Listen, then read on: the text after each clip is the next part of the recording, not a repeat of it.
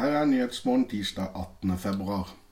Et utkast til en avtale om Drammens avtaker ligger nå på bordet.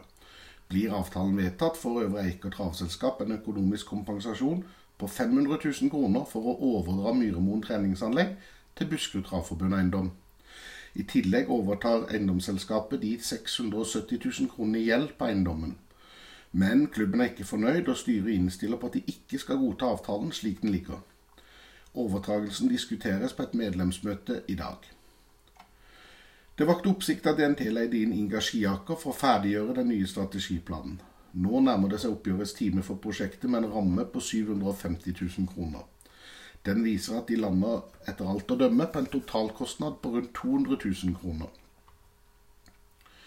For politikerne i Oslo som de vil, tyder alt på at det vil koste flere hundre kroner å kjøre inn til byen med alt annet enn elbiler fra 2030. Anslag NRK har brakt, viser at prislappen kan bli oppi 240 kroner én vei om man passerer to bommer inn i byen. Blir forslaget vedtatt, kan det bety dyre starter på Bjerke i framtiden.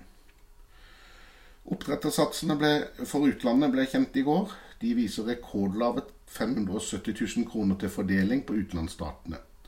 Prosentene spenner fra 0,39 for de eldste til 1,56% i oppdretterpenger for de yngste starthestene. Hele listen finner du på trav365.no. 262 626 kroner ble resultatet av spill på spranghester i løpet av helga. Men viktigst av alt er nok de 114 helt nye spillerne som ble registrert hos Norsk Rikstoto. Stiftelsen er fornøyd med helgen og sier at de har fått vist seg fram en, på en god måte for et nytt publikum. Til slutt skal vi høre at rektor Cecilie Gaarder Skau ved Norsk Hestesenter legger, ikke legger skjul på at eh, det er på tide å ta grep rundt travtrenerutdannelsen. Hun lanserer nå en rekke ideer som skal gjøre det mer spennende og interessant å ta utdannelsen ved Norsk Hestesenter. Mer om det får du på trav365.no senere i dag.